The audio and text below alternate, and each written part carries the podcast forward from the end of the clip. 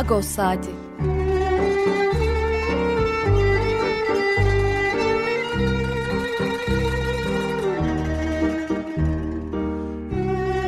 Haftalık Agos gazetesinin penceresinden Türkiye ve Dünya gündemi. Agos'un mutfağından haberler, söyleşiler, olaylar.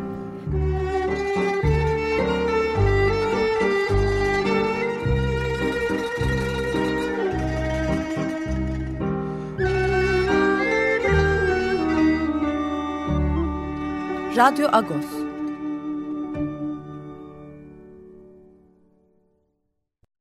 Radyo Agos'tan günaydın. Pallüs, ben Yetvar Tanzikyan. Bize bu hafta ben yardımcı olacağım. Ee, hangi şarkıyla başladık? Hemen onu bir anons edeyim. Surp Karabedem Kınatser, Surp Karabed'e gitmişim. Ee, bir Dersim e, şarkısı. Dersim ezgisi, Dersim Ermenilerinin bir ezgisi. Mikhail Aslan'ın 2010 tarihinde Petak Dersin Ermeni Halk Şarkıları adlı bir albüm yayınlanmıştır. Ee, Birçok kişinin katkısı var tabii bu albümde. O albümden bir şarkı dinledik. Ee, böyle bir şarkıyı seçmemizin de bir sebebi var tabii.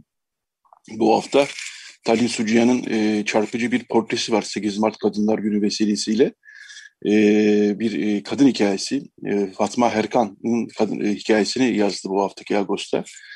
Dersim'den başlayan, oradan Kütahya'ya, Kütahya'dan İstanbul'a, İstanbul'dan Buenos Aires'e uzanan bir hayat. Çarpıcı bir hayat bu.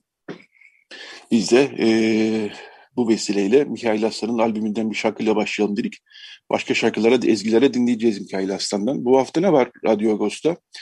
E, Lüsan Bıçakçı geçen hafta e, Adıyaman Ermenilerini bizim geleneklerimiz diye bir yazı, yeni yazı dizimiz başladı. E, hem Radyo Agos'u dinleyenler hem de Agos'u takip edenler biliyorlardır. Orada Adıyaman Ermenilerinin e, usullerini, geleneklerini yazmıştı. Lüsan Bıçakçı ile bağlanacağız. İkinci bölümde Lucky Vingas konuğumuz olacak. E, Yeniköy Rum Panayya Ortodoks Kilisesi Vakfı Başkanı aynı zamanda e, Vakıflar Genel Meclisi'nin ilk azınlıklar temsilcisi, e, azınlık vakıflar temsilcisi. Onunla da bu vakıf seçimleri konusuna ağırlık veriyoruz e, ve e, ağırlık vermemizin de bir nedeni var. E, İnsan Hakları Eylem Planları Cumhurbaşkanı Erdoğan vakıf seçimleriyle ilgili bir düzenleme yapacağız e, dedi. Bunu konuşacağız ikinci bölümde. Son bölümleri avukat Selin Akıpoğlu'yla e, 8 Mart Dünya Kadınlar Günü vesilesiyle kadın mücadelesini bugününü konuşacağız. E, Agos'un manşetinde bu hafta e, bu gene vakıf seçimleri vesilesiyle İnsan Hakları Eylem Planı ve İnsan Hakları Eylem Planı'nda azınlıklara dair diğer maddeler de var. E, bir not daha aktarayım e, konumuza geçmeden önce. E, bu dünkü duruşmada Hrant Dink cinayeti davasında karar çıkması bekleniyordu. E, ancak karar çıkmadı. E, bir hakim üyelerden birisi e, kalp ameliyatı geçirmiş. Onun yerine vatan hakim de ben dosyayı bilmiyorum e, dolayısıyla imzamı atamam diyerek e, duruşmaya katılmak istememiş. E, dolayısıyla dünkü duruşmada e, yani beklentiler vardı. Karar açıklanınca kamu görevlilerinin yargılandığı Hrant Dink cinayeti davasında 26 Mart'a ertelendi. E, bu haftaki Ağustos 5 Mart'ta e, karar açıklanacak diyorduk ama dolayısıyla 26 Mart'a kalmış oldu. Ağustos'un içeriğinden e, program boyunca ben bahsedeceğim. Şimdi konumuza dönelim. E, Lüsan Bıçakçı hattımızda. Günaydın Lüsan Hanım. Günaydın Yetvart Bey, Parlus. Parlus, hoş geldiniz yayınımıza. Hoş bulduk. E, Lüsan Bıçakçı'yı zaman zaman yazdığı yazılardan e, Agos, Agos okurları biliyordur zaten. E, geleneklerimiz yazı dizisine de e, Adıyaman gelenekleriyle bir katkıda bulundu. İyi de oldu, güzel de oldu. E, Lüsen Hanım yazıyı okuyanlar biraz biliyorlardır ama okuyamayanlar olmuştur birincisi. İkincisinden bunu radyoda da konuşmak iyi olabilir diye düşündük. Adıyaman Ermenileri üzerine çünkü çok fazla çalışma da yok aslında. Gerek sözlü tarih açısından gerekse de e, diğer açılardan. Ama e, aslında Adıyaman Ermenileri de e, önemli bir topluluk Anadolu Ermenileri içerisinde. Siz de Adıyamanlısınız öyle biliyorum. Zaten bu evet. yazıya da e, bu vesileyle girişmiş oldunuz. İyi de yaptınız. Ee, ama siz Adıyaman'da çok az yaşadınız galiba değil mi? Nasıl? Aile evet. hikayeniz nasıl? Sizin öyle başlayalım isterseniz. Ee, şöyle, e, ben e, Adıyaman'da e, bir ailenin dördüncü çocuğu olarak dünyaya geldim. E, benden sonra bir küçük kardeşim daha oldu. Beş kardeşiz. Oradaki e, cemaat, Ermeni ve Süryanilerden oluşan cemaatin içinde 1960'lardan itibaren büyük bir e, rahatsızlık duyulmuş ve büyük şehirlere göçler başlamış. e, İstanbul'a göçmek dışında işte yakın büyük şehirler Malatya'ya, İskenderun'a göçenler olmuş. Bir kısım Ermenilerden Beyrut'a gidenler, Halep'e geçenler olmuş. Benim babam da 1972 yılında çocuklarını toparlamış İstanbul'a gelmişiz. Ben o zaman 4 yaşındaydım. Küçük kardeşim 3 yaşındaydı. En büyük ablam da 11 yaşındaydı. Yani 3 ile 11 yaşları arasında 5 çocuklu bir aile olarak İstanbul'a geldik. E, tabii gelirken de e, geleneklerimizin büyük bir kısmını orada bırakmış olmuşuz. E, Adıyaman'da e, gerçekten e, güzel bir cemaat yaşamış. Şu anda da çok az sayıda e, hala e, cemaatten yaşayan insanlar var.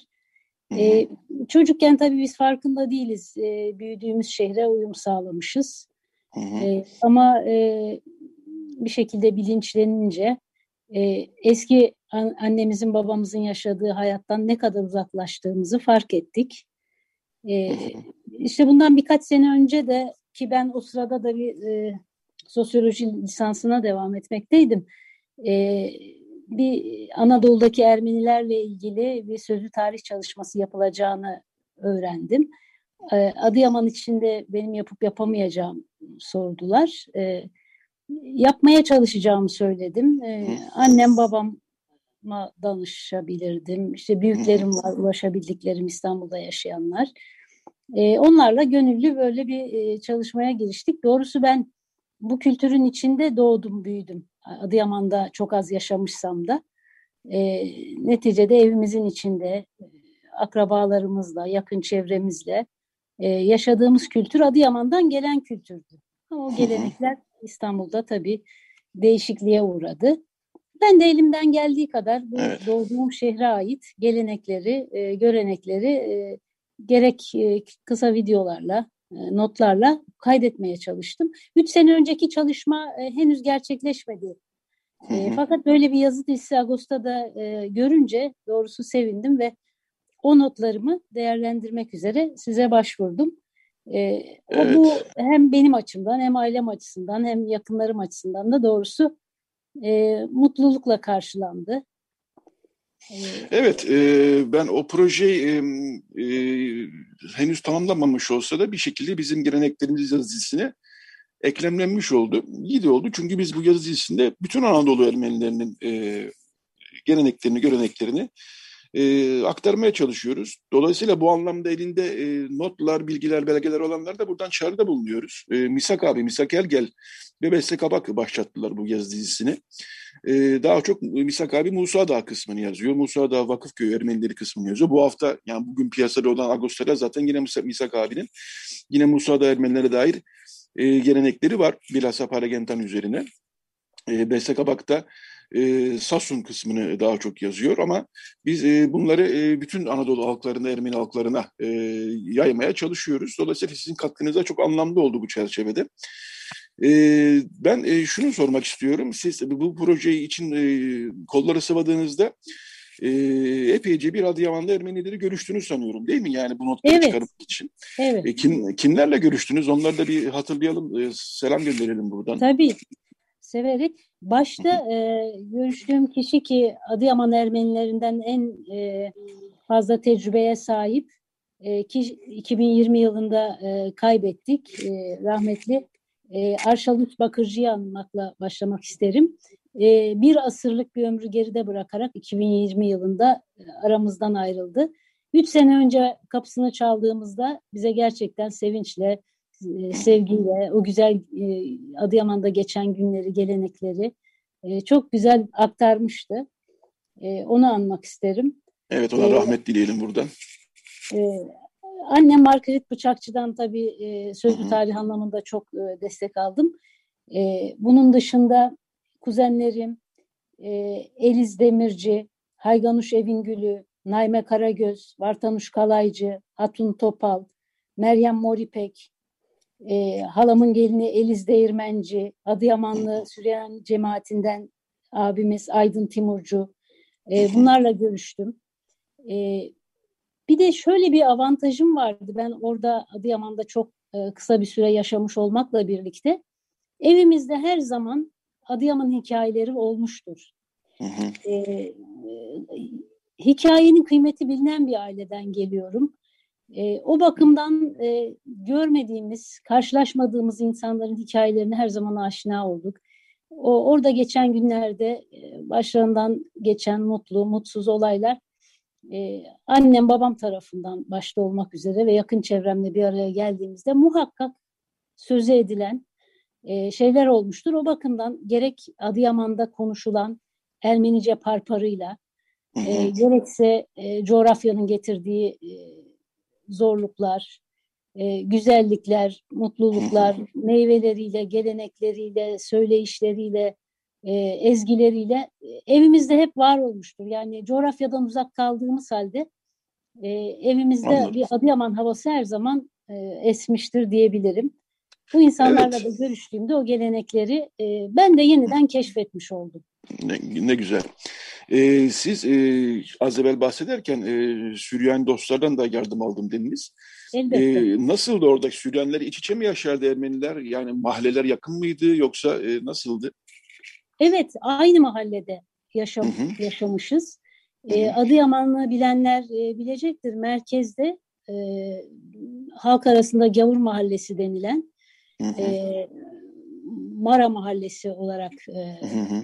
yer almış e, bir mahallede Ermeni, Süryani e, karışık olarak e, yaşanmış. Hı. Ve orada halen e, ayakta olan iyi ki bir kilise var. E, e, o kilise şu anda Süryani cemaati tarafından e, yönetilmekte. Orada bir e, ruhani e, kişi de bulunmakta. Hala ayakta ve yazın e, o kilisenin bir günü olur ki dünyanın dört bir yanından Adıyamanlı insanlar, Süryani olsun, Ermeni olsun o e, kilisenin avlusunda toplanırlar. Ben de bulunmuştum e, bir defa. E, o insanlar eski hatıralarını orada yad etmek için de bir fırsat bulurlar. Ya orada ilginç bir durum gerçekten bilmiyorum diğer Anadolu şehirlerinde bu e, var mıdır? Ermeni ve Süryani cemaati çok karışık bir şekilde yaşanmış. Kimlikler Hı-hı. korunmuş ama konuşulan Hı-hı. dil Ermenice. Halk arasında Hı-hı. bir Ermeni parparı var ve bu evet. Süryani Ermeni ayırt edilmeksizin herkes tarafından benimsenmiş, konuşulmakta. E, büyük bir ayrım yok e, evlilikler, karışık evlilikler olmuş. Hiçbir aile yoktur ki yani Ermeni Süryani ortak evlilikler olmamış olsun. E, güzel yaşanmış. Yalnız şu anda o cemaatten maalesef çok az insan kaldı. Evet, e, o zaman yavaş yavaş geleneklere gelelim istiyorsanız. Siz e, yazıda Elbette. bahsettiniz gerçi ama sizin e, en çok hoşunuza giden e, geleneklerle başlayalım istiyorsanız. Hangisi? doğrusu benim en çok hoşuma giden biraz çocuksu bir neşeyi de taşıyor. Gabetsek oldu. Gabetsek kelimesini hep duyardım. Gabetsek biliyorsunuz Ermenice bağla, bağlayın anlamına gelir ama bu e, yılbaşı gecesine verilen bir isim. Gabetsek olarak kutlanıyor. E, bunun anlamı eski yılın yeni yıla bağlanması olabilir veya başka bir ihtimal de e, o gün çocuklar boyunlarına bezden birer torba bağlayıp kapıları tek tek e, bir e, şarkı eşliğinde e, çalıp o günlük e, hediyelerini almaya çalışırlarmış. Buna e, Gabetek o, e, o günde söylenen şarkı e, yarı Ermenice diyelim. Gabetseke galan lukuk ngoze bibis eikin hose. Bunu bir melodiyle söylerlermiş ve o çaldıkları kapının e, imkanlarına göre e, bir portakal, bir elma, iki ceviz, bir avuç e, kuru üzüm e, gibi hediyeler alırlarmış. Fakat çocukları en çok sevindiren hediye portakalmış. Portakal Adıyaman ikliminde herhalde yetişmediğinden, zor bulunduğundan o portakalın her danıştığım kişinin özellikle be, e, ifade etmesi çok ilginç geldi. Portakal en güzel hediye. Onun dışında e, yeni yıldan önce 24 Aralık'ta e, kutlanan Noel'i yine Ermeni ve Süryani cemaati ortak olarak Melet Bayramı olarak kutlarlarmış. Onun da kendine özgü e, ilahileri var. E, bunun dışında e, Paregentan ki Ermeniler buna Bergendek diyorlar. Hı hı. O kelimeye çok aşinayız. Hı hı. E, o da büyük bir özenle kutlanıyor E, bu biliyorsunuz büyük bayramdan bizim Mezzadik dediğimiz bayramdan e, 7 hafta önce e, bir hazırlıkla başlanıyor. E, Adıyamanlı e, kadınlar bu döneme evlerini e, temizlemek üzere büyük bir seferberlik başlatıyorlar. Duvarlarının sıvasından yatakları, yorganları, e, kıyafetleri, kapları, kacakları özenle yıkanıyor. O e, bütün kirlerden ya da e, hayvansal artıklardan arındırılarak bu bak dönemine, oruç, perhiz dönemine hazırlanılıyor. Hı hı. Burada eğlenceler yapılıyor. Büyük küçük herkesi eğleneceği eğlenceler düzenleniyor. Bu yedi haftalık bak kısmı büyük bir özenle özellikle kadınlar tarafından icra ediliyor. Hı hı. E, bu dönemde e, hayvansal hiçbir şey yenilmiyor, içilmiyor. Bütün gün aç kalınıyor. Güneş battıktan sonra sadece e, nebati yiyeceklerle besleniliyor. Hı. Ve bunun arkasından zadik geliyor, büyük bayram geliyor, yumurta bayramı geliyor, o kutlanıyor. Burada benim yine dikkatimi çeken büyüklerimle konuştukça o bayramların ne kadar özenle hazırlanılması, o bayramların büyük bir özenle hazırlanılması, büyük küçük herkesin katkıda bulunması, kilisenin yaşama alanı olarak kadın, erkek, çocuklarla istisnasız ziyaret edilmesi ve bu e, bayram süresince üç gün e, bütün toplumda o bayramın e, yaşanması. Erkekler işe gitmiyor, e, birbirlerini ziyaret ediyorlar. Kilisenin papazı bütün evleri ziyaret ediyor. Son gün kadınlar fırsat buldukça birbirlerini ziyaret ediyorlar. Büyük bir özenle kutlanıyor. Yani öyle küçük bir yerde ekonomik imkanları nispeten daha sınırlı olan Adıyaman'da bu evet. dini ritüellere e, büyük bir özenle e, riayet edilmesi doğrusu beni etkiledi. Evet, ee, ben de e, Anadolu Ermenilerinin eski geleneklerini okudukça e, ve dinledikçe e, küçük olmasına rağmen ya da küçük bir mahalleye ya da birkaç mahalleye sıkışmış olmasına rağmen e, bilhassa 1950'ler 60'larda bunların daha bir e, dirençle ve şevkle kutlandığını anlıyorum. Bu tabii bu e, kilisenin bir tane kaldığı, çok az insanın kaldığı belki bir e, topluluk içerisinde en azından geleneklere sahip çıkmak gibi de anlaşılabilir. Bütün bu geleneklerimiz yazı dizisinden e, çıkardığım şey bu ama şimdi tabii ki e, üzücü olan artık buralarda bu bayramların e, kutlayacak insan sayısının çok azalmış olması. Siyasi atmosferinde artık bunlara çok fazla, toplumsal atmosferinde artık bu tür kutlamalara çok fazla e, olsa bile imkan vermemesi e, ne yazık ki böyle bir durumla karşı karşıyayız. E, İstanbul'da e, Adıyamanlı Ermeniler olarak herhalde sık sık görüşüyorsunuz. Nasıl geçiyor? E, var mı bir şeyiniz, e, rutininiz, ritüeliniz? E? Burada doğrusu İstanbul'da bu ritüeller e, ancak sözde yaşatılabiliyor. Onunla bile yaşatılması, isminin anılması hoşuma gidiyor. E, aileler büyüdü, birbirinden daha uzak yaşıyorlar. E, Adıyaman'ki kadar sıcak ilişkileri maalesef muhafaza edemedik ama yine hı hı. tabii bu e, dini e, özellikle bayramlarda birbirimizi aramaya, sormaya, ziyaret etmeye çalışıyoruz tabii son geçtiğimiz yıl e, bunu gerçekleştiremedik. Ee, doğru. Ee, bu, e, böyle günlerde e, Adıyamanların evlerinde özellikle pişen yiyecekler var. Özellikle evet, biraz da biraz da ondan bahsedelim. bahsedebiliriz. Yemeklerden evet. Evet. E, bizim e, Adıyamanların e, en çok e, hazırladıkları kehke ismini verdiğimiz çöreklerimiz var. Bu çörekler e, rezeneyle e, onların e, mayana dedikleri, e, onların dediğim yani ben hiç hazırlamadım ama annemden çok sık duydum. E, ne tatlı ne tuzlu güzel bir çörektir. Uzun süre evde muhafaza edilebilir. Bol bol yapılır. Konuya komşuya gönderilir, ikram edilir. Bayramlarda muhakkak sütlü denilen, bizim sütlü dediğimiz sütlaç yapılır. E, haşlanmış buğdaydan e, yoğurtla karıştırılarak çorba yapılır ki biz e, Adıyamanlar çorbaya şorba şeklinde ifade ederiz ve çok çeşitleri vardır. Bulgur ve et türevleri çokça hazırlanır. İçli köfteler, çiğ köfteler, e, büyük sofraların e, çok e, kıymetli e, ikramlarıdır. E, yine böyle e, dini ritüellerden Surp Sarkis Bakı çok özenli. İstanbul'da da devam edilen oruçlardan biri. E, üç gün, üç gece Bakı'da denilir. Onun Adıyaman'a özel bir e, versiyonunu da bu şekilde öğrenmiş oldum. Çok da e, sempatik geldi. E, biliyorsunuz Surp Sarkis orucu e, pazar akşamından başlanır.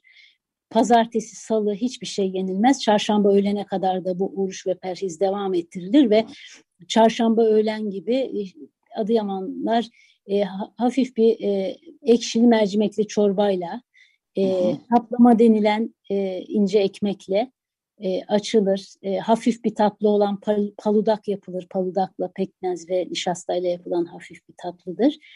E, bunu tutamayanlar için de bir çözüm üretilmiş. İsmi de çok sempatik, gocicik. O, üç gün üç gece orucunu, bakını tutamayanlar pazar akşamından başlayıp pazartesi yine nebati yiyeceklerle bakını kesip salı ve çarşamba devam etmek şeklinde böyle hafif e, tertip diyelim bir e, üç gün üç gece orucu da tutulurmuş. E, bu şekilde e, evet. Adıyaman'da ee, var, var çok e, özenle kutlanan yortulardan biri. Onu İstanbul'da da e, elimizden geldiği kadar evet. ancak ismi var var onun anları kutlayarak anıyoruz. Öyle insanların birbirini ıslatma keyifleri yok ama evet. e, böyle günler, güzel günler e, Adıyaman'da yaşanmış, yaşatılmış. Şimdi de inşallah en azından bunları evet, bilgileyerek çocuklarımıza bunları aktarabiliriz yeni kuşaklara aktarmaya çalışıyoruz. Ee, çok teşekkür ediyorum e, Lüsan Bıçakçı. Gerçekten çok kıymetli bir katkıydı. Ee, umarım başka katkılarınızda ve başka Anadolu Ermenilerin geleneklerine hakim olan, e, bu notları elinde bulunduran başka e, kimseler de bize bu geleneklerimiz yazısını katkıda bulunabilirler. Bunu buradan bir kez daha aktaralım. E, sizin katkınız da bu anlamda çok, e, çok kıymetliydi. E, çok teşekkürler yayına katıldığınız için Dusan Bıçakçı. E, Rica ederim. Sonraki, bundan sonraki ederim. yazılarda görüşmek üzere umarım. Umarım. E, kolay gelsin diyorum. İyi bir hafta Sizlere sonu diliyorum. kolay gelsin. İyi Teşekkürler. Yayınlar. Sağ olun. Evet, e, Lusan Bıçakçı konuğumuzdu. Adıyaman Ermenilerinin geleneklerini yazmıştı. Geleneklerimiz yazıcısı Agos'a sürüyor. E, Misak Ergel ve Vese Kabak başlatmıştı. Bu haftaki, yani bugün piyasada olan e, Agoslara yine Misak, er, Misak abimizin, Misak Ergel'in e, yine Musa'da Ermenilere dair başka gelenekleri var. Dolayısıyla Agos'u dinmenizi her zaman öneriyoruz. Bu hafta yine öneriyoruz. Ee, evet şimdi e, bir şarkı arası verelim. Daha sonra bir reklam arası olacak. Daha sonra Radyo Agos devam edecek. Ee, programın girişinde Mikaila e, Aslan'ın e, Petak albümünden bir Dersim ezgisiyle başlamıştık. Yine bir yine aynı albümden bir Dersim ezgisiyle devam edelim. Hamam Kapısı. Bağnet, Bağnet Turu Ermenice ismi bu. Hamam Kapısı diye çevirebiliriz. bu şarkıyla bu ezgiyle devam edeceğiz. Daha sonra bir reklam arası, daha sonra Radyo Agos devam edecek. Radyo Agos. Evet, Radyo Agos devam ediyor. Ee, Mihail Aslan'ın Petak albümünden bir şarkı daha çalalım dedik. Çünkü çok güzel bir albüm gerçekten. E, şarkı da güzeldi, ezgi de güzeldi. E, ismi e, Gaf Gıdırdel, yani gaf kırmak. E, karşılıklı e, oğlan tarafıyla kız tarafının birbiriyle e, söz atıştığı bir e, ezgi bu aslında. Oğlan tarafı sizin kız suya gitmiş, e, stili orada unutmuş diyor. Kız tarafı sizin de oğlan da olduğuna gitmiş, baltasını da orada unutmuş diyor. İşte olan tarafı sizin kız surpaça gitmiş, mumu cebinde unutmuş diyor. Böyle böyle karşılıklı bir atışma ezgisiydi bu. E, gaf der, yani gaf kırmak ismi de. Evet şimdi bu bölümde Lakivingas, e, Yeniköy e, Panaya, Panaya e, Rum Ortodoks Kilisesi ve Mektebi Vakfı Başkanı Lakivingas ama aynı zamanda e, Vakıflar Genel Meclisi'nin de e, azınlık e, cemaatlerin temsil eden ilk üyesi. iki dönem üst üste yaptı. E, öyle bir e, özür dilerim. Görevi de oldu. Önemli bir görevdi. Günaydın Laki Bey. Günaydın, günaydın. İyi yayınlar herkese. İyi hafta sonları Teşekkür, diliyorum. Teşekkürler, sağ olun. Ee, sizle e, zaman zaman e, Agos'a zaten e, röportajlar yapıyoruz. E, Agos, Radyo Agos'lara bağlanıyoruz. Bu hafta bir kere daha bağlanmak istedik çünkü e, ilginç gelişmeler oldu. Salı günü Cumhurbaşkanı evet. Erdoğan e, insan hakları eylem planını açıkladı. E, ve orada e, bir cümleyle de olsa e, vakıf seçimlerine değindi. E, yani azınlık vakıflarının e, yönetim kurullarını e, seçmesine imkan veren yönetmeliği düzenliyoruz dedi. Şimdi bu 8 yıllık bir hikaye aslında ve siz bu 8 yıllık hikayenin ilk 4 yılının e, çok yakından içindesiniz. E, hatta e, yani çok çaba da gösterdiniz bu yönetmeliğin çıkması için. Hatta e, çıkmayınca bir dönem e, bırakmak bile istediniz. Daha sonra sizi ikna ettiler. Öyle biliyorum daha doğrusu. Da, iki dönem evet. üst üste bu görevi yaptınız. E, büyük çabalar gösterdiniz. Hala o çabalar gösteriyor. Sizden sonra Toros Alcan geldi. Ermeni toplumunu temsilen. Toros Bey'den sonra şu an Morris Levy yürütüyor Yahudi toplumu temsilen. Bu zaten bir centilmenlik yeri. Vakıflar Gelen Meclisi'ndeki o azınlıklar ayrılan sandalye sırayla yerine getiriliyor. Ee, şimdi biz bu e, açıklamayı görünce e, e, dikkat et, kesildik tabii ama bir taraftan da e, aynı toplantıda bütün bu e, yani bütün bu insan hakları eylem planının e, hayata geçirilmesinin iki yıl bulacağı da söylendi. Dolayısıyla henüz bir tarih yok elimizde aslında ama e, bir kere daha e, hükümet tarafından bunun e, not edilmesini e, önemli mi bulalım, ne yapalım, ne dersiniz Lucky Bey? Sözü ben size bırakayım. Vallahi Yetvar ön, öncelikle e, davet ettiğiniz için teşekkür ederim. Agos ister gazete ister radyosuyla çalışmak benim için büyük bir onurdur. Bunu biliyorsunuz, bizim, her seferinde söylüyorum. Bizim ee, için, bizim bu için. Konu evet. tabii seçim, e, seçim, vakıf konusu olunca özellikle vakıf, cemaat vakıfları ve vakıflar seçim olunca hep öyle beni de hatırladığınızı farkındayım. Ama gerçekten, gerçekten çok çok önemli. E, çünkü e, bizlerin e, bu haktan mahrum kalması gerçekten bize büyük bir zarar verdi. E, kötü hı hı. örnekler oluşturdu. E, bir şekilde kendi iç demokrasimizde bir kesinti yaşadık. Bir hak mahrumiyeti yaşadık. Bu kadar hı hı. önemli bir konu olduğunu hep gündeme getirdik, taşıdık ve taşımaya da devam edeceğiz. İnsan hakları eylem planı dediğimiz zaman e, tabii ki biraz bütüncül bakmak lazım e, biz ki tabii ki yalnız cemaat vakıfları veya e, bize azınlık toplumları ile ilgili konulara değinmek istiyoruz ama bütüncül bakmamızda fayda var. Çünkü netice itibariyle bu ülkenin vatandaşıyız ve orada yapılacak olan her reform, her gelişim, gelişme bizler için de çok faydalı olacaktır ve çok önemli olacaktır. Şimdi e, burada dikkatimi çeken bir konu var. Bir reform kelimesi var hep gündemde. Reform demek ki bir de e, Sayın Cumhurbaşkanı'nın ifadesinde nihai amacımız yeni bir sivil anayasa olmasıdır. Yani hedef odur diyor. Demek ki aşağı yukarı 20 yıllık iktidarımı iktidarda olan Cumhurbaşkanımızın sivil anayasa ihtiyacı ve reform ihtiyacının altını belirlemiş, belirtmiş ve bunu da hakikaten büyük bir toplantıyla e, gündeme getirmiş. Bu açıdan böyle bir eksiklik olduğunun tabi ispatı oldu e, bir şekilde de bunun üzerinde de e, bu e, eylem planını açıklayarak kendisi bir şekilde söz verdi, angajmana girdi. E, iktidarı ve hükümeti ve cumhurbaşkanlığı makamı olarak.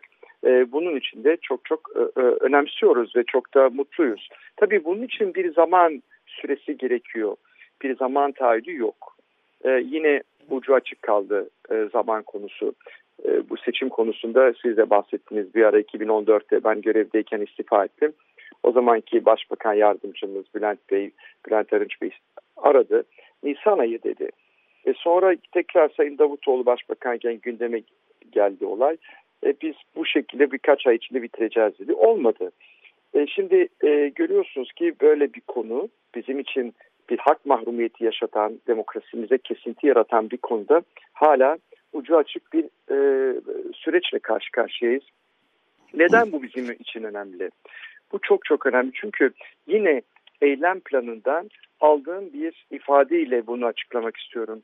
Diyor ki eylem planında tarih bize ne zaman adalete sıkı sıkıya sarılmışsak ve o zaman yükseldi o zaman yükseldiğimizi güçlendiğimizi, huzurlu ve müreffeh toplum haline geldiğimizi gösteriyor. İşte bizim de küçük toplumların da buna ihtiyacı var. Yani adalete ihtiyacı var. Kendi iç bünyesinde bu süreci daha katılımcı, daha özgürlükçü, daha çok çoğulcu bir sürece girmemizde fayda var. Şimdi bir şekilde bir sessizlik var. Seçimler yapılamıyor. 10, 10 sene, 20 sene, 30 sene kendi bünyelerinde, kendi e, vakıf iktidarlarında kalan insanlar var.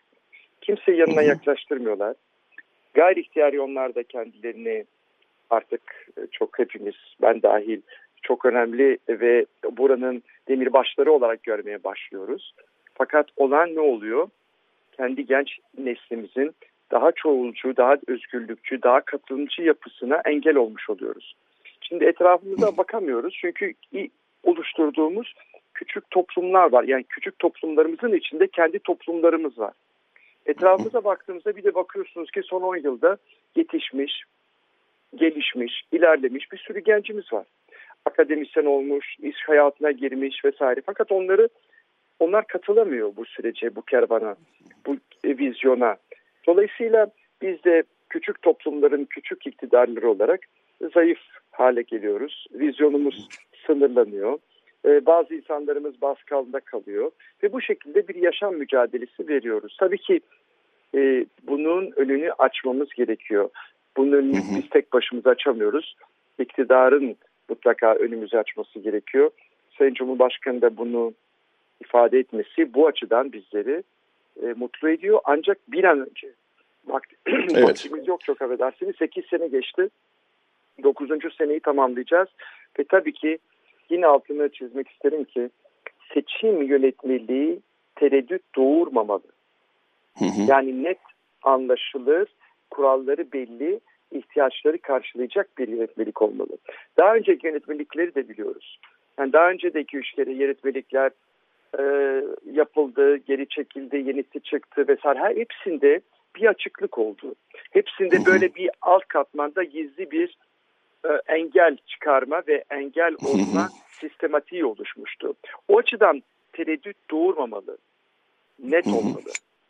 Kimsenin ee, daha da sonra mahkemelere gidip de hak arama ihtiyacı doğurmamalı. Yani böyle bir ihtiyacı e, şey yapmamalı, ihtiyacı görmemeli. O açıdan da e, bu çok önemli. Tabii ki başka önemli konular da söylendi burada. Nefret, nefret söylemi, işte adalet ve mahkeme süreleri konusunda. E, bunlar çok değerli e, ifadelerdir. E, dilerim ki bir an önce e, bunlar e, çok kısa sürede gerçekleşir. Çünkü hatırlatırım 2012 sene, senesinde ben de e, gitmiştim Ankara'da. E, o zaman Anayasa Uzlaşma Alt Komisyonu oluşmuştu. Yine böyle bir heyecanla bir sivil anayasa e, yapılması konusunda büyük bir çalışma yapılmıştı e, Türkiye Büyük Millet Meclisi'nde ve bütün azınlık toplumlarımızdan da katkı istenmişti. E, bizim toplumlar da e, katkı sunmaya çalıştılar. E, bilmiyorum ee, başka değinmemi istediğiniz şey varsa e, veya varsa ben, konuşabiliriz. E, tabii bir sorum olacak. E, o sorudan önce bir hatırlatmada bulunayım. Türk Ermenileri Partiliği de e, önceki akşam bir e, genel e, değerlendirme yayınladı e, Facebook hesabından. E, bunu da biz dün e, Agos internet sitesinde yayınladık. E, Türk Ermenileri Partiliği de e, sizinkine çok benzer bir e, ifadeyle e, bunların umut verici olduğunu söylüyor. Vakıf seçimleri için dikkat çeken cümle e, zaman kaybedilmeden e, fiiliyata geçirilmesi beklentisi içerisinde izleniyor. Dolayısıyla e, bütün e, azınlık toplumları, azınlık demek hoşumuza gitmiyor ama e, şimdilik böyle söyleyelim. Ama bütün azınlık toplumları. Evet, evet. E, gayrimüslim daha da çok hoşumuza gitmiyor çünkü. E, bütün azınlık toplumlarında böyle bir beklenti var ve bu 8 yıllık bir hikayeden bahsediyoruz. Kısaca yani çok kısa bir konu değil biliyorum ama yine de ben e, sormak isterim size. Peki bu 8 yıl boyunca niçin olamadı bir türlü? Yani ben e, biz bunu gazetede de çok işliyoruz, radyoda da çok işliyoruz. Yine de geri gelmişken e, bir sormadan edemiyorum. 8 yıl boyunca bu yönetmenlik niçin çıkamadı sizce? Valla biliyorsunuz ki ben 8-9 e, yıldır bu konuyla iç içe yaşamış bir insanım. Ama aklım almıyor. Çözüm bulamadım. Çok zorladım aklımı. Bir çok muhakeme ettim. Ama maalesef bir e, çözüm odaklı olamadım. Sebebini bulamadım. Neden, hı hı. neye rücu edildi, neyin karşılığı böyle bir engel çıktı, çıkarıldı. E, onu bir türlü çözemedim. Samimiyetle söylüyorum. E, hı hı. Bir sürü farklı görüşlerde olan insanlar var. Ama hepsi bir ihtimal, e, bir e, varsayım. Hiçbir sta, hiçbir e, görüş yüzde yüz doğru olmayabilir. Varsayımlarla hı hı. gitmek doğru değil. Ama e, aklım almadı açıkçası. E, fakat e, dediğim gibi kendi toplumlarımıza özellikle genç nüfusumuza haksızlık oluyor. O insanları yanımıza çekemiyoruz. O insanlara bu emaneti teslim edemiyoruz. Ve tabii ki e, zarar veriyoruz kendi e, kendi kendimize, kendimiz kendi toplumlarımıza zarar veriyoruz gayri ihtiyari. E, Laki Bey sizi bulmuşken o zaman şunu da sorayım. E, biz Ermeni toplumunun e, işte nüfus e, eğilimlerini, vakıfların durumunu, vakıf yöneticilerin durumunu sık sık konuşuyoruz burada. Peki Rum toplumu açısından durum nedir? E, Türkiye Rum toplumu açısından yani kaç tane vakıf var? Bu vakıfların kaç tane yöneticisi var? Yöneticiler artık yaşlandılar mı? E, görevini evet, bırakmak tabii. isteyenler, yani istemeyenler. 70 tane, 69 tane vakfımız var. Ama aynı zamanda yeni gelişen dinamikler de var İzmir'deki toplumumuz gibi. Hı hı. Ee, vakıflarımızı tabii ki 7 kişi sayarsanız 490-500 kişi bulmak mümkün değil. Şu anda vakıflarımız, bazı vakıflarımız iki kişiyle yönetiliyor. Daha doğrusu yönetilmeye çalışılıyor. Ee, mümkün değil. Yani bu şekilde evet. ne kendi geleneklerimizi ne kendi e, e, şeyimizi yani mülklerimizi geliştiremiyoruz. Hı. Yeni bir vizyon yaratamıyoruz. Kapasitelerimizi geliştiremiyoruz. Şu anda artık 21. yüzyılın şartlarıyla bu konuyu geliştirmemiz gerekiyor. 19. yüzyılın ifadeleriyle ve altyapısıyla bunu geliştiremeyiz. Bugün e, toplumlarımız da artık yani 21. yüzyılın e, gençleri de farklı bir anlayışla e, bunları yönetmek istiyor. Doğal olarak yine eskisi gibi ille de kadim bir toplum olduğumuz için bu kadim kurumlar da yani iki asırlık aynı yönetim şekilleriyle devam etmek zorunda olması artık gençlerimize e, gençlerimizin önünü açmıyor. Hı hı. Yeni bazı evet. sistematikler yani yönetmeliğin mutlaka e, bu e, bir nüfuslarımıza uygun olması gerekiyor. Yani nüfuslarımızın demografik yapımızın yapısını göz önünde bulundurarak bir yönetmelik çıkarılmalı. İki, daha da flexible olması gerekiyor. Yani daha esnek olması gerekiyor. Ee, özellikle kolektif yapılaşma, kolektif e, e, yatırım yapma vesaire konularda çok daha e, vizyoner bir yönetmelik olmasını diliyorum. Ee, Ama dediğim peki, gibi tabii ki bu eylemde yalnız bizi ilgilendiren cemaat vakıfları seçimleri değil. Başka çok değerli ifadeler de söylendi. Çok değerli konular söylendi. Mesela adalet konusunda ifade edilen mahkeme süreleri, kişisel verileri koruma veya hı hı. yanlış hatalı rapor hazırlayan bilir kişiler. Mesela onun altını çiziyorum. Bazen öyle bir mahkememiz e, yine vakıflarla ilgili mahkemelerimiz yıllarca sürebiliyor. Ma, e, ikinci bilir kişi, üçüncü bilir kişiye gidiyorsunuz. Farklı farklı şeyler çıkıyor. Dolayısıyla bu hatalı rapor hazırlayan bilir kişilere karşı alınacak olan önlemlerden bahsedildi. İfade özgürlüğünden e, bahsedildi ve tabii ki nefret söylemi. Burada mahkeme ve nefret söylemi detaylarına girince bir de rücu rücu e, olayından bahsedildi ki ben çok de, e, önemsiyorum bunu. Evet yani, yani çünkü bir e, uygulamayı siz e, adaletin kuralları içinde anayasanın kuralları içinde uygulamayı yapmıyorsanız ve kendi fikrinizle veya e, siyasi anlayışınızla yapıyorsanız, uyguluyorsanız o zaman haksızlık yapıyorsunuz. Çünkü adalete, anayasaya uygun yap, bir karar vermemiş oluyorsunuz. Şu anda rücu sistemi getirilerek disiplini artırmaya çalışıyorlar. Ve bu da çok doğru olduğunu düşünüyorum. Çünkü bizim toplumlar bu gibi haksızlıklardan çok büyük bedeller ödemiş toplumlardır. Yani bir bir rapor sunuluyor ve bir karar veriliyor. Uygulu yani kanuna uymayan bir karar verilmiş oluyor. Belki mevzuata uymayan bir karar verilmiş oluyor. Duygusal veriliyor veya siyasi veriliyor. Ondan sonra sağa sola gidiyor bunlar. Tazminatlar geliyor. Tazminatları devlet ödüyor. Ama oradaki imzada olan bir kişinin imzası var. Hı hı. Ödeye, tazminatlar ödeyenler de bu sefer başkaları oluyor. Dolayısıyla bunları disipline ediyor olmaları e, bence çok e, güzel, çok önemli, çok da değerli. Anladım. Ben sizi e, bugünkü yayın için dün aradığımda e, AB Büyükelçisiyle Büyükara'dayız ve Rum Yetimhanesi'ni e, ziyaret ediyoruz demiştiniz. Sizi bulmuşken e, Büyükada Rum Yetimhanesi meselesini de bir e, sorayım. E, yani çok e, kötü durumda e, o tarihi ve muhteşem yapı, ahşap bir yapı çürüyor günden güne ve e, burayı restore etmek için büyük çalış... Bununla size daha önce konuşmuştuk aslında birkaç ay önce e, yine Radyo evet, Ağustos'ta ama evet. E, bir kere daha gidip görme imkanı buldunuz siz de herhalde hem AB Büyükelçisi hem de diğer e, yetkililerle. sık sık diyebilirim görebiliyorum. Birkaç ay aralıklarla gidiyorum. E, bina çok çok kötü durumda. E, çok büyük şeyler hayal etmemek lazım. Bizim şu anda acilen yapmaya çalıştığımız Şimdi neden bu duruma düştü, mesulü kimdir, sebepleri nelerdir onları bir tarafa bırakalım. Biz önümüze bakalım, e, önümüze bakmak adına e, şu anda yapmaya çalıştığımız en önemli şey e, röleve detaylarını e, yani bir şekilde projelendirmek ve onaylattırmak. Yani şu anda hı hı. hem görsel, dijital belgeleme bitmiş vaziyette. Şu anda da bir ay, bir buçuk ay sonra da artık o proje halini de bitiriyor. Çünkü orada 6500 tane e, resim çekildi. E, scannerlarla yapılan çalışmalar var. E, bir sürü yapılan başka dronlarla yapılan çalışmalar var. Bunlar uyduya taşınarak orada nokta e, bulut pardon buldu, e, uydu dedim buluta taşınarak or, nokta hı hı. şeylerle çalışmalarla bunlar projelendirildi. E, o projeleri ben takip ediyorum e, yapan şirkette. E, çok heyecan verici neticeler çıkıyor ama tabii ki bu röleve açısından, projelendirme açısından en azından bütün bu detaylar artık böyle gelenmiş vaziyette. Başka bir çalışmamız da binanın birkaç tane çok değerli e, bölümü var. Onları hı hı. desteklemek adına bazı ön çalışmalar yapıyoruz. Onları da Anıtlar Kurulu'nda şu anda taleplerimiz, pardon tekliflerimiz bekliyor. Onlar da e, uygun görülürse bir şekilde e, onları da destekleyerek en azından bazı bölümlerini kurtarma çabası içindeyiz. Bu arada malzeme analizleri çalışmaları da devam ediyor. Sanıyorum 2021'in sonuna kadar projelendirme kısımları tamamlanır.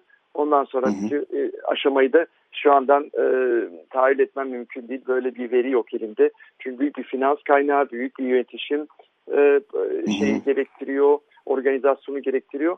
Ama ilk aşamada dediğim gibi proje kısmı belgele, belgelemeler ve malzeme analizleri tamamlanmakta şu anda. Hı. Yola çıkıldı en azından. Bu da bir şey. Ee, önemsemek lazım gerçekten. Ee, Lucky Bey evet. son birkaç dakikamız. Bu son birkaç dakikayı da şöyle değerlendirmek isterim.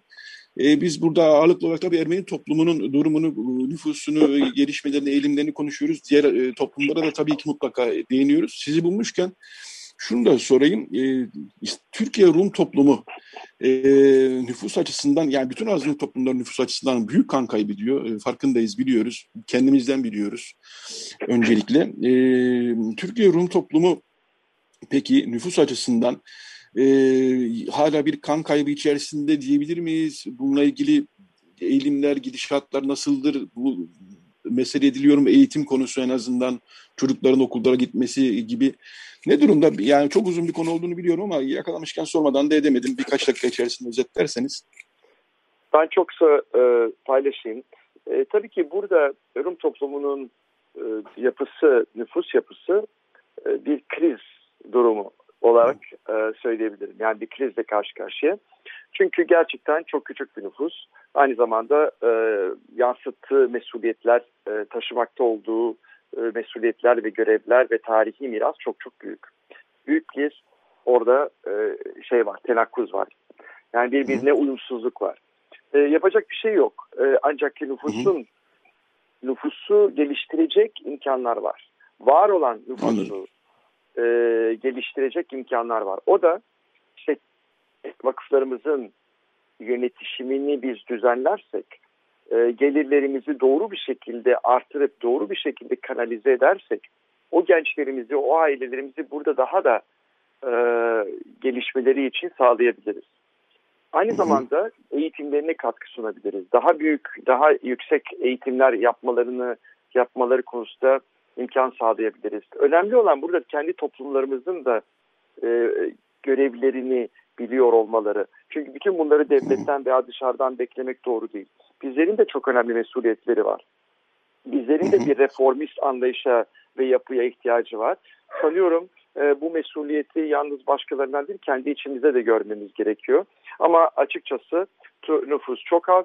Kan kaybı var diyorsak yok giden pek yok. Gençlerimiz burada. E, ancak hı hı. yaşlarımız çok fazla olduğu için her sene ve bu sene de maalesef Covid'den de kaybettiğimiz çok büyüğümüz oldu. E, o açıdan hı hı. bir e, azalma var. Yoksa ülkeden giden insanlar açısından pek yok. E, ama dediğim hı hı. gibi e, heyecan da bu e, bahsedilen e, şeyle eylem planı e, bahsi e, çerçevesinde olan bütün reformlar, sivil anayasa ihtiyacı gerçekleşirse sanıyorum hepimiz için daha rahat bir, e, bir ortam olacak ve geleceğimizi daha iyi tasavvur edebileceğiz, hayal edebileceğiz. Bu e, nefret söylemi konusunda e, çok önemli bir şeyde vurgulamak istiyorum. Biliyorsunuz 2020'de evet. bazen savunmasız kalıyor bizim toplumlar. Çok ağır ithamlarla karşı karşıya evet. kalıyoruz. Bir tane dergide biliyorsunuz özel bir sayısında 2020'de çok ağır ithamlarda bulundu bizim bütün ruhanilerimize hatta merhum Fatih Kalusyan'ı da e, Biliyorum, e, evet. getirerek taşıyarak. Hatırlıyorsunuz değil mi Yetvar? Evet evet haber Bunlar yapmıştık çok, biz bunu Ağustos'ta. Çok acı veriyor yani e, büyük bir gerçek dışı bilgilerle savunmasız kalıyoruz. O açıdan da alınacak olan önlemler e, bizim için çok faydalı ve verimli olacağını kanaatindeyim. Evet. Peki çok teşekkür ediyorum Laki Bey. Ee, Yeniköy e, Panayya Rum Ortodoks ben de, ben de teşekkür ederim. Şimdiden Vakfı de Başkanı Kadınlar Laki... Günü'nü kutluyorum. Evet teşekkür birazdan ederim. da bu konuyu birazdan da bu konuyu işleyeceğiz. Çok teşekkürler Laki Bey yayına katıldığınız için. iyi bir hafta sonu diliyorum size. Sağ olun, teşekkürler. Hoşçakalın. Teşekkür ederim, sağ olun. Evet, e, saatte böylece 10 oldu. Şimdi onda bir reklam aramız geleneksel olarak her zaman var. Reklam arasından sonra bir e, Joan Baez şarkısı dinleyeceğiz. E, Kadınlar Günü'nde uygun bir şarkı olduğunu düşünüyoruz. Daha sonra e, avukat Selin Nakıpoğlu e, konuğumuz olacak ve e, Dünya Kadınlar Günü'nü e, konuşacağız ve kadın mücadelesini bugünü konuşacağız. Evet şimdi bir reklam arası sonra bir şarkı sonra Radyo Agos devam edecek. Radyo Agos. Evet, John Baez'den dinledik. We Shall Overcome. Başaracağız. BBC Television Theatre'ın Londra'daki 1965 e, canlı kaydından da bu. Her dinlediğinde açık söyleyeyim tüylerim diken diken olur. Bugüne uygun e, olduğunu düşündük. 8 e, Mart Kadınlar Günü yaklaşıyor. Dünya Kadınlar Günü. Bu bölümde konuğumuz avukat Selin Nakıpoğlu. Kadın hakları konusunda uzun süredir çalışmalar yürütüyor. Günaydın Selin Hanım, hoş geldiniz yayınımıza. Günaydın, hoş bulduk. Teşekkür Radyo ederiz. çalışanları. Teşekkürler, Ve sağ olun. dinleyicileri tabii ki. Teşekkürler, sağ olun. Evet, özür dilerim. Bugün 6 Mart, 8 Mart yaklaştı. E, fakat tabii bu pandemi koşullarında e, hem de pazartesi gününe denk geldiği için 8 Mart e, asıl e, toplantı sanıyorum bugün olacak değil mi? 6 Mart Kadıköy'de. Dün bir 5 Mart'ta Beşiktaş'ta e, toplantı vardı meydanlarda. Bugün ama e, saat 4 yanlış bilmiyorsam. Önce onu bir konuşalım sonra unutmayalım. E, bugün sanıyorum Kadıköy'de değil mi? Evet, evet. Bugün Kadıköy saat 4 Beşiktaş e, iskelesi önünde büyük kadın Hı-hı. buluşması adı altında kadınlar buluşacak. Ama 8 Mart'taki feminist gece yürüyüşü çok önemli. Evet onu da ee, mutlaka not edelim. Evet İçişleri Bakanlığı'nın işte 2019'dan beri aslında buluşmamıza izin vermediği yani 2019'a kadar e, hiç müdahale edilmemişti e, feminist gece yürüyüşüne. O, oradan beri toplaşmamızı istemediği bir yürüyüş aslında. Evet. evet. o yüzden e, saat 6 e, pardon evet saat 6 akşam 6'da Pazartesi 8 Mart de, için. evet, orada da mutlaka buluşalım. Evet. Derim. Dolayısıyla e, bugün bugün e, cumartesi saat 4'te Kadıköy'de, 8 Mart'ta da gece yürüyüşü saat 6'da e, Taksim'de e, olacak. E, bütün engelleme çabalarına rağmen kadınlar yine bir araya gelecekler, seslerini duyuracaklar. Dolayısıyla e, kolay gelsin diyorum, sesiniz gür çıksın diyorum şimdiden. Ee, şimdi e, tabii sizle e, konuşurken e, telefonda e, hemen aklımıza tabii şu geldi. Evet kadın cinayetleri çok en yakıcı sorun kadın cinayetleri tabii ki. E, bir sürü yani kadınlara dair çok sayıda sorun var ama en yakıcısı ne yazık ki hala günde 2-3 cinayet her gün e, oluyor. Bir erkek şiddeti daha doğrusu kadın cinayeti diyoruz bunu ama erkek şiddeti kadınlar yönelik bir erkek şiddetinden bahsediyoruz. E, Salı günü de e, eylem planı açıklandı Cumhurbaşkanı Erdoğan tarafından. E, siz e, sanıyorum incelemişsinizdir. E, yani bir taraftan e, umutsuz bir gidişat var. Umutsuz demek istemiyorum ama yani durdurulamıyor bir türlü bu iş. E, bunun iş için hukuki bir önlem, daha sert önlemler mi lazım? Siyasi iklim, siyasi dilin mi değişmesi lazım? Ki bu da lazım diyorum. Hala siyaset dilinde kadınları aşağılayan bir dil, erkekliği yücelten bir dil hala hala hala var. E, neler söylersiniz? Ee, öncelikle şey okurken şunu fark ettim. Şimdi biz ileri demokrasi değil miydik? Yani bu arada evet. sırada çıkan planlar nedir? 2014'te de e, biliyorsunuz bir İHEP çıktı, İnsan Hakları Eylem Planı. E, ondan bir farkını da göremedim. Öyle detaylı okudum. Bir de şey yani hukuk başdanışmanının ahim kararları bağlayıcı değil dediği ve bu kararlara uyulmayan, ısrarla uyulmayan yani Demirtaş, e, Kavala en son örnekler bir ülkedeyiz ve AHİS'e, e, Avrupa İnsan Hakları Sözleşmesi'ne ve mahkemesine vurgu yapan bir eylem planıyla karşı karşıyayız. Şimdi ben buna nasıl inanayım? Evet. Vallahi yetkilileri soruyorum yani çok böyle bırakın avukat, hukuk bilmem ne böyle soruyorum ben buna nasıl inanayım? Yani ayrıca bu eylem planı çok katılımcı halde hazırlandı deniyor. Baktık ettik 29 toplantı yapılmış şahane ama sadece iki toplantı STK'larla yapılmış ve o STK'ların hangi STK'lar olduğu da açıklanmıyor. Yani mesela e, kadına yönelik şiddet, erkek şiddetiyle ilgili önemli e, işte vurgular var ama 30 yıldır alanda çalışan Mor Çatı Kadın Sığınağı Vakfı buraya davet edilmedi. Mesela mesela bunu biliyorum en e, şeyden evet. söyleyebilirim.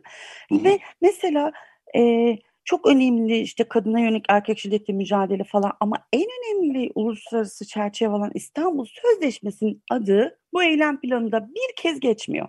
Yani böyle defalarca baktım. Yani bir yerde geçmiştir. Allah aşkına dipnotta geçsin falan diye. Yok. Yok yani o kadar acayip ki. Mesela ama ısrarlı takiple ilgili bir durum var. Onu dinleyenlerimiz için çok çok minik açıklayayım. Tabii. 6284 sayılı şiddet yasasında ısrarlı takip yani sizi birinin sürekli takip etmesi bu dijital yolla olabilir, fiziksel yolla olabilir ama şeyle şiddetin çok başlangıcı yani o yolun başlangıcını işaret eden bir nokta. Bu şiddet yasasında bir tedbir sebebidir. Ama ama ceza kanunumuzda bu bir suç değildir. Yani ben şu anda ısrar takibe maruz kalmış bir müvekkilime hangi maddeden savcının iddianame düzenleyeceğini savcı ile birlikte kara kara düşünür haldeyiz. O yüzden İstanbul Sözleşmesi der ki bunu ceza kanununda da suç olarak belirli. E, Cumhurbaşkanı'nın açıkladığı planda bu var. Mesela buna ilişkin bir e, şey var. Bu tabii ki artı. Bu arada bizim amacımız üzüm yemek. Yani ben olumlu bir şey o görsem de söylesem derdindeyim. yani. Fakat nasıl inanacağımı bilemedim. Yani ahim aleyhine bu kadar konuşuluyor, kararlar uygulanmıyor. İstanbul Sözleşmesi aleyhine 2020 yazının bütün gününde yani Allah'ın her günü aleyhe konuşuldu. Neredeyse hmm. Türkiye'nin başına gelen her kötü şey İstanbul Sözleşmesi sebebiyleydi o 3-4 ayda. Hmm. Çok tuhaf geliyor yani biraz daha samimiyet ve, ve tekrar hmm. ediyorum biz ileri demokrasi değil miydik? Niye 2014'teki mesela planı 2021'de tekrarlıyoruz? Neden hmm. böyle bu kadar yerinden sayma var? Ve e, boşanan kadınlara karşı işlenen cinayetlerde ağırlaştırıcı nedenlerin getirileceğini söyledi Cumhurbaşkanı. Bunu tabii ki önemsiyoruz. Ama iyi de kadınların boşanmalarını neden zorlaştırıyorsunuz? Neden? Mesela yoksulluk nafakasıyla ilişkili neden e, haklarını ellerinden almak istiyorsunuz? Kadın istihdam sayısı ortada. Kreş açmıyorsunuz ücretsiz. O kadın ne yapacak? Yani yeni bir hayat kurmak için böyle bir süre bir nafakaya ihtiyacı olduğu çok belli. Hı hı. Niye, niye zorlaştırıyorsunuz boşanmalarını mesela? Yani çelişkiler var. Yetvar Bey, çelişkiler var. Ee, evet, yani ben de açıkçası bu haftaki yazımda e, Avrupa İnsan Hakları Mahkemesi kararlarını yok sayıyoruz, yok hükmündedir denirken e, böyle bir eylem planıyla ortaya çıkılmasında bir çelişkili durum olduğunu e, söylemeden edemedim işin gerçeği. Bir taraftan da bunlar tabii olumlu şeylerse de bunları tabii evet desteklemek bir anlamda. Yani e, peki yapın o zaman demek gerekiyor. Yine de şunu da sormak istiyorum. Bu işin çözümü başlara biraz bahsetmiştim. E, cezai uygulamalar önemli gerçekten. Yani bunlar olmazsa olmuyor. Ama sadece ceza uygulamaların yanında bir de dilin değişmesi, siyaset dilinin değişmesi en azından. Ne dersiniz? Yani e, neler yapılması lazım açıkçası? Şöyle, çok kapsamlı bir konu biliyorum tabii ama çok, işte çok ama de... hemen hemen onu hemen kısaltırız. Evet. Sıkıntı yok. Çünkü çok çok alışığız maalesef. Hani evet, evet. AKP bizi bu konularda çok fazla konuşmaya mecbur ediyor. Bu da iyi bir şey değil aslında ama e, bizim yasalarımızla ilgili gerçekten bir problem yok. Yani lütfen Hı. enerjimizi buna harcamayalım. Zamanımızı asla buna harcamayalım. Yani bu ülkede cins kırımı diye eşik grubunun tarif ettiği önemli bir şey var, durum var. Yani hesaplama yapmıyor, data vermiyor devlet ama kadınlar, STK'lar kendi çabalarıyla e, oluşturuyorlar bir takım e, dataları ve günde üç kadının öldürüldüğüne ilişkin çok ciddi bir erkek şiddetine maruz kaldığına ilişkin çok ciddi bir e, şey var, data var. Bir de dil çok önemli. Kesinlikle haklısınız. Yani AKP'nin karnesinin kadın erkek eşitliği konusunda gerçekten dil konusunda dil hanesi çok zayıf. Ee, ve özellikle erkek şiddeti denmemesinin de çok problem olduğunu düşünüyorum. Yani edilgen bir dil ısrarla tercih ediliyor ve yani faili hiç işaret etmiyor. Yani e, efendim insana karşı şiddetli olmasın, hayvana da bitkiye de karşı olmasın falan e, kıvamında yaklaşıyor. Bu böyle bir durum değil. Çok üzgünüm. Yani ortada iç savaş rakamları var hakikaten. Yani bu ülkede her gün bir kadının kadınların günde üç erkeği öldürdüğünü düşündüğünüzde ne olur? Hani kimse asla şiddeti e, besleme açısından Anlıyorum. söylemiyorum. Yani bir tersinden bakın burada bir cins kırım yani bir cinse yönelik kadın olduğu için öldürülme durumu var. Ama e, bunu işte besleyen e, çok önemli şeylerden biri değil. Yani 2011'de Erdoğan'ın kadın mıdır kız mıdır bilmem dediği Mesela tecavüz sonucu hamile kalan kadınların kürtaj olmaması gerektiğini söyleyen Sakarya AKP Sakarya Milletvekili Sefer Üstün. Yani unutmak isterim açıkçası çok e, kaç milyar bütçesi var 15 milyar mı bilmiyorum. E, Diyanet'in feminizm ahlaksızdır dediği, ahlaksızlıktır dediği mesela. Ondan sonra mesela 2013'te Sayıştay belediyedeki memur çocuklarını kreş açmayacağım dedi. Bakın işte bu, bu kadınların işte şiddet gördüğü evden uzaklaşmasını, boşanmasını zorlaştıran durumlar. Yani kadının bedeni bir süstür dediği işte Din İşleri Yüksek Kurul üyesi falan. Ya bu, bu, bu değil, bu değil, bu değil işte acayip bir besleme yapıyor. Yani şiddet faillerini besliyor, güçlendiriyor, cesaretlendiriyor. Aynı zamanda Nisan 2020'de çıkarılmış olan kamuoyunda af kanunu olarak nitelendirilen ceza infaz yasasındaki o değişiklik ne, ne gibi sonuçlara yol açtı? Hiçbir araştırma yok. Yetbart Bey hiçbir araştırma yok. Yani acayip başlarını kuma gömmüş durumdalar bu konuda ve pandemideki kadına yönelik erkek şiddetinin nasıl arttığına ilişkin de hiçbir araştırma yok. Soruluyor, soruyoruz ilgili bakanlıklara hiçbir cevap vermiyorlar. Birleşmiş Milletler defalarca açıklama yaptı. Defalarca taraf ülkeleri dedi ki çok acayip şiddet arttı. Ev içinde, hane içinde, e, buna ilişkin önlemler alın dedi. E, aldı ülkeler. Fransa'sı 180 sayılı yasa askıya aldı Yüksek Kurulu Hakimler Savcılar dedik ki işte şiddet uygulayanı yani bu tedbirleri uygulamayın falan. Yani evde dursun. Herkes evde dursun. Çıkamasın. Seyahat yasağı yok. Kadınlar bir yere gidemedi. Polise gidiyorsunuz o dönem. Mart, Nisan, Mayıs. Ya virüs var ne koruma kararı diyor. Devletin alo şiddet 183 hattı bile ya biz beceremiyoruz mor çatıyı arayın demeye başladı. Yani trajikti, çok trajik evet, yani, hakikaten. Evet. Ee, yani cinayetler, erkek cinayeti kadar e, bilmiyorum e, bir de bu cinayetin tehdidi altında yaşamak da e, başı başına, ya başı başından öte çok e, trajik bir sorun. Çünkü ee, bir de şunu görüyoruz yani işte koruma kararları oluyor olmuyor erkek yine tehditlerine devam ediyor. Yani e, öldürülmek ayrı bir e, sorun bir de öldürme tehdidi altında yaşamak diye de başı başına bir sorun daha var. Bilmiyorum ne dersiniz? Çok çok kesinlikle zaten İstanbul Sözleşmesi bu, bunu söylüyor. Yani o katliam, o cinayet işlenmedi, işlenmeden önce. Sen önleyici tedbirlerini, koruyucu tedbirlerini uygula. Ya amaç zaten o yola girilmemesi ve bu korkuyu hissettirme şiddete maruz kalanı. Yani artık bakın o kadar pervasızca hareket edilen durumlar. Aleyhine Çakır'ın mesela işte katil zanlısı olarak tutuklu olan e, yani şüpheli olarak şu anda herhalde iddianamesi daha çıkmadı bilmiyorum ama kişinin canlı yayında yani kendi çekiyor şiddet uygularken ve şey yapabiliyor yayınlayabiliyor. İşte ses kayıtları gönderiyor falan erkekler. Ya seni şurada şöyle şöyle işte keseceğim biçeceğim. Ya bu bu acayip bir şey değil mi? Buna evet. nasıl cesaret edebiliyor? Bir düşünsenize sadece. Yani bakın ben hani o kadar kurallara uy- uyarak yaşayan insanlardan biri olarak buna bunu yani tahayyül edemiyorum böyle bir şey. Fakat böyle bir cesaret veriyorsunuz işte bana bir şey olmaz demeyecek o kişi. Diyecek ki ben burnumu o kodesten çıkaramam. Böyle şunu şunu şunu yaparsam yaşam hakkı en yüksek dereceli haktır. Bitti. Bu insana bunu vereceksiniz. Yani bizde şey e, iki ileri üç geri durumu oluyor. Bu eylem planı da aslında onlardan biri açıkçası.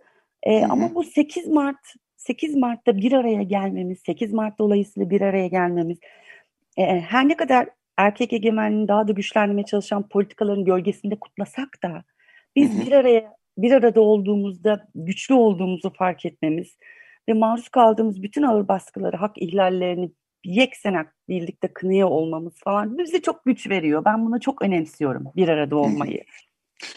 Evet, e, hakikaten e, bu ortamda, bu iklimde, bu atmosferde kadınların bir araya gelip seslerini çıkarabilmeleri her ne kadar pandemi koşulları da olsa e, gerekli, e, önemli. E, bu sesi e, hakikaten e, duymaya bütün Türkiye'nin ihtiyacı var. İşin gerçeği bu. Umarım e, yani son iki yıldır biraz, son üç yıldır e, bir de polis şiddeti altında geçiyor bu 8 Mart buluşmaları. Umalım ki bu insan hakları eylem planından sonra e, biraz daha makul bir tutum, e, biraz daha değil son derece makul bir tutum benimser e, güvenlik güçleri diye e, buradan çağrımızı da yapalım e, yeri gelmişken. Ya sormayın ee, 2019'da böyle bir şey oldu e, Kasım evet. ve Mart'ta. Ben 2019 Ağustos'unda bir canlı yayına katıldığımda İçişleri Bakanı işte aniden bağlandı konuyla ilgili falan. Ben orada onu fırsat bulmuşken sordum neden yani saldırıyorsunuz kadın e, şeyle buluşmalarına bir güzel bir azar yemiştim falan. Yani ondan sonra hakikaten ben bunu anlayamıyorum yani. Gerçekten bir bu kadar eylem planları yapılıyor. Dün bakın kadınlar Beşiktaş'ta buluştu. E, yüzlerce polis vardı görüntülerde. Yüzlerce polis. Bu nasıl evet. bir şey? Evet yani gerçekten inanılmaz. Evet, e, süremizin sonuna geldik. E, Avukat Selin Akıpoğlu çok teşekkür ediyorum. Bu yani saatlerce konuşabildiğimiz bir konu olmakla beraber e, daha da konuşuruz zaten ama 8 Mart yaklaşırken bu konuyu en azından bir e, Radyo Gosumu bölümünde işlemek önemliydi. E, hem bu akşam hem de 8 Mart için e, başarılar diliyorum. Umarım sorunsuz ve iyi bir e, toplantı geçer diye temenni ediyorum. E, tekrar teşekkür ediyorum yayına katıldığınız için. Çok teşekkür ederim davetiniz için. Ee, olun, umudu. Umudum benim feminizmde. Bir feminist olarak bunun son olarak böyle bitirmek isterim. Çok bizim de umudumuz, bizim de umudumuz feminizmde. Onu da biz feminizmde, onu da söyleyelim. Peki tekrar teşekkürler Selin Akapoğlu. İyi bir hafta sonu diliyorum. Sağ olun. Evet, teşekkürler. Ee, Radyo Gos'un sonuna geldik. Ee, John Baez'le başlamıştık bu bölüme. Ee, John Baez'le bitireceğiz. Bu sefer John Baez ve Paul Simon beraber söyleyecekler. Yine e, umudu, e, direnişi e, ayakta tutan, e, iyi gelen, buna iyi gelen şarkılardan bir tanesini dinleyeceğiz. E, Radyo Ghost'tan bu haftalık bu kadar. Berhem Baltaş e, rejide yardımcı oldu bize. Radyo Ghost e, haftaya da umuyoruz ki ve bundan sonraki haftalarda devam edecek. Agos gazetesi bayilerde e, salık veriyoruz. E, sokağa çıkma da yok artık. Alın. Dolu dolu yine bir Agos var diyoruz ve e, John Baez ve Paul Simon'ın The Boxer e, 2016 konser kaydıyla veda ediyoruz. Herkese iyi bir hafta sonu diliyoruz.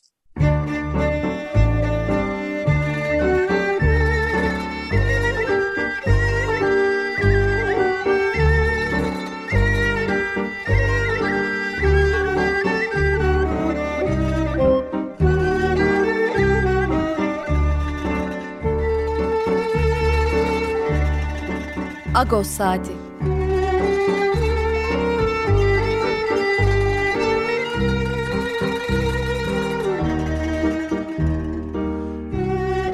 Haftalık Agos gazetesinin penceresinden Türkiye ve Dünya gündemi.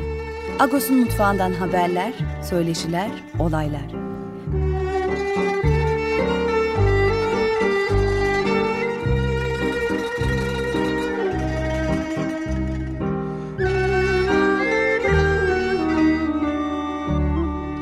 Radyo Agos